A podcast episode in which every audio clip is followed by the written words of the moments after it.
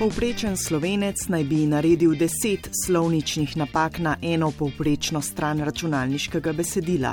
Zato so že v 90-ih letih prejšnjega stoletja tudi pri nas razmišljali o programih, ki bi te napake popravljali. Tudi naš tokratni sogovornik Peter Holozan, razvijalec v podjetju Amebis, ki se ukvarja prav z jezikovnimi tehnologijami za slovenščino. Po osnovni izobrazbi je računalniški programer potem sem pa na koncu eh, naredil doktorat iz slovenščine, ker sem se pri pisanju besane tok slovenščine naučil, da sem pravzaprav gotov, da o tem že skoraj več vem kot o računalništvu. Besana je slovnični pregledovalnik za slovenščino oziroma avtomatska lektorica. Na spletu je vsem na voljo brezplačna različica, ki je v enem preverjanju omejena na dobrih 450 znakov. Plačljiv, obširnejši pregledovalnik z istim imenom pa uporabljajo razna podjetja, prevajalci, lektori in tako naprej. V obeh primerjih program deluje na enak način, opozarja na zatipkane besede in jih počrta rdeče ter preverja slovnične napake. Za podrobnejši opis napake moramo miški kazalec pridržati nad besedo, na katero se napaka navezuje. Torej, program za iskanje napak še stopno naprej od preverjanja posameznih besed, kar delajo običajni črkovalniki. Nastal je pa že kar leta 1988. Na začetku je bila to raziskovalna naloga in sicer kot program za besedno analizo, iz tega tudi pride ime Besana. Sčasoma se pa pokazalo, da je ob tem mogoče najti tudi določene napake v besedilih, tako da se je potem razvijal bolj v to smer. V prvem obdobju obstoja programa za slovenski jezik ni obstajalo nič podobnega niti črkovalniki še niso obstajali in tudi zdelo se mi koristno, da pomagam ljudem pri pisanju, ker ljudje se pač hitro zmotimo. Po drugi strani pa tudi pri sami raziskovalni nalogi, je bil delno tudi izziv. Mentor je najprej komentiral, da to se pa ne da narediti, potem tudi v tistih časih, ko človek sredi šolcev, pa zdi, da se pa ja vse da narediti. Tudi takšen program, torej z ugrajenimi pravili o uporabi predlogov S in Z ali recimo z možnostjo prepoznavanja nepotrebnih dvojnih presledkov, deluje pa tudi na podlagi ogromnega slovarja besed. Če recimo vzamem tak preprost primer, gledam hči. V slovarju je napisano, da je uh, tožilnik pri hčih sicer hčer, ampak pogosta, da je pogosta napaka, da je namesto tega uporabljeno kar hči. In tukaj program ugotovi, pregledam hči, hči ne more biti osebek, ker potem uh, se glagol ne bi ujemal, ne? kar pomeni, da mora biti hči tukaj potem predmet v tužilniku. In ker je predmet v tužilniku, potem ima v bazi napisano, da to ni knjižno in potem to popravi v gledam hčer. Če pa po drugi strani primer gleda hči, tukaj pa besara ne more odkriti napake, ker tukaj je pa pač možno, da tudi hči nekaj gleda.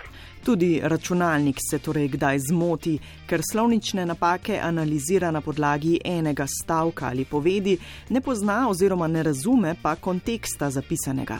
Recimo pri vejcah, ki jih drugače zelo dobro popravlja, če dam primer, prihiteli so Klaudi, kralj in stražari.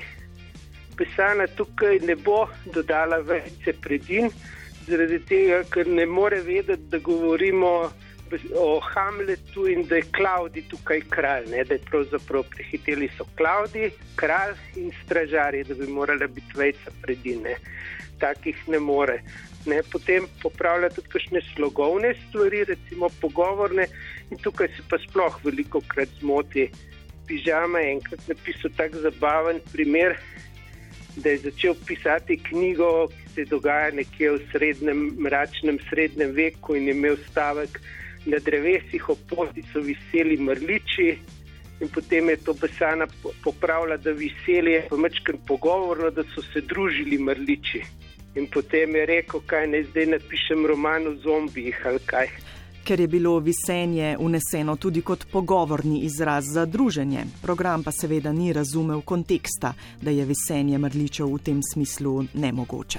Potem kakšni dvojni presledki, velike začetnice, zanikanje s tožilnikom, preverja celo ujemanje pri lastkovih odvisnikov, torej če napišete leto, v katerega smo vstopili, bo še dolgo, namesto leto, v katero smo vstopili, bo še dolgo, ali pa k sosedovem sinu, namesto k sosedovemu sinu, do takih na neki način malenkosti, ki pa kdaj pridejo prav kot je napaka.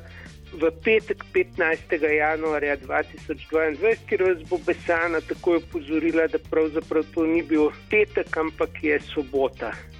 To se hitro zgodi pri kakšnih vabilih, ko popravljamo vabilo od prejšnjega leta ali pa in popravimo samo datum, na dan pa pozabimo. V Besani je v tem trenutku okrog pol milijona besed z vsemi oblikami. Sogovornik jih vanjo vsak teden unese približno 300. Kar je pravzaprav zelo veliko, če pogledate, recimo SSK ima 100 tisoč besed ampak mi štejemo kot besede tudi to, kar so pod geslom SSK, torej deležniki, deležja, glagolniki in pa po drugi strani ima tudi ogromno lastnih imen, vse imena, priimki, naselja in podobno. Spremljam recimo, kar se objavljajo v časopisah, v novicah in potem vidim, kaj, katera imena ali pa recimo pri vsakih volitvah pogledam sezname kandidatov in vnesem, ker je pač velika verjetnost, da se bo o njih veliko govorilo. Jezik je seveda živ tudi sicer, zato morajo program vse čas prilagajati oziroma kaj dodajati ali spreminjati. Ja, vedno se novi tipi napak, vsako stvar, ki jo tako le človek opazi v kakšnem besedilu, vedno pomislim, da mogoče bi pa tole lahko tudi program popravil in potem nekaj klikov in računalnik zna? Eh, včasih par klikov, včasih je pa to tudi kakšne pol leta dela ali pa še, še več, preden človek ugotovi. Recimo, enkrat sem videl nekje, uh, da je bila na eni tabli napisano iz pokopališča, ne vem, morate odnesti smeti ali nekaj takega in se rekel, da se tukaj smo na pokopališču, torej bi morali biti z pokopališča, ne iz.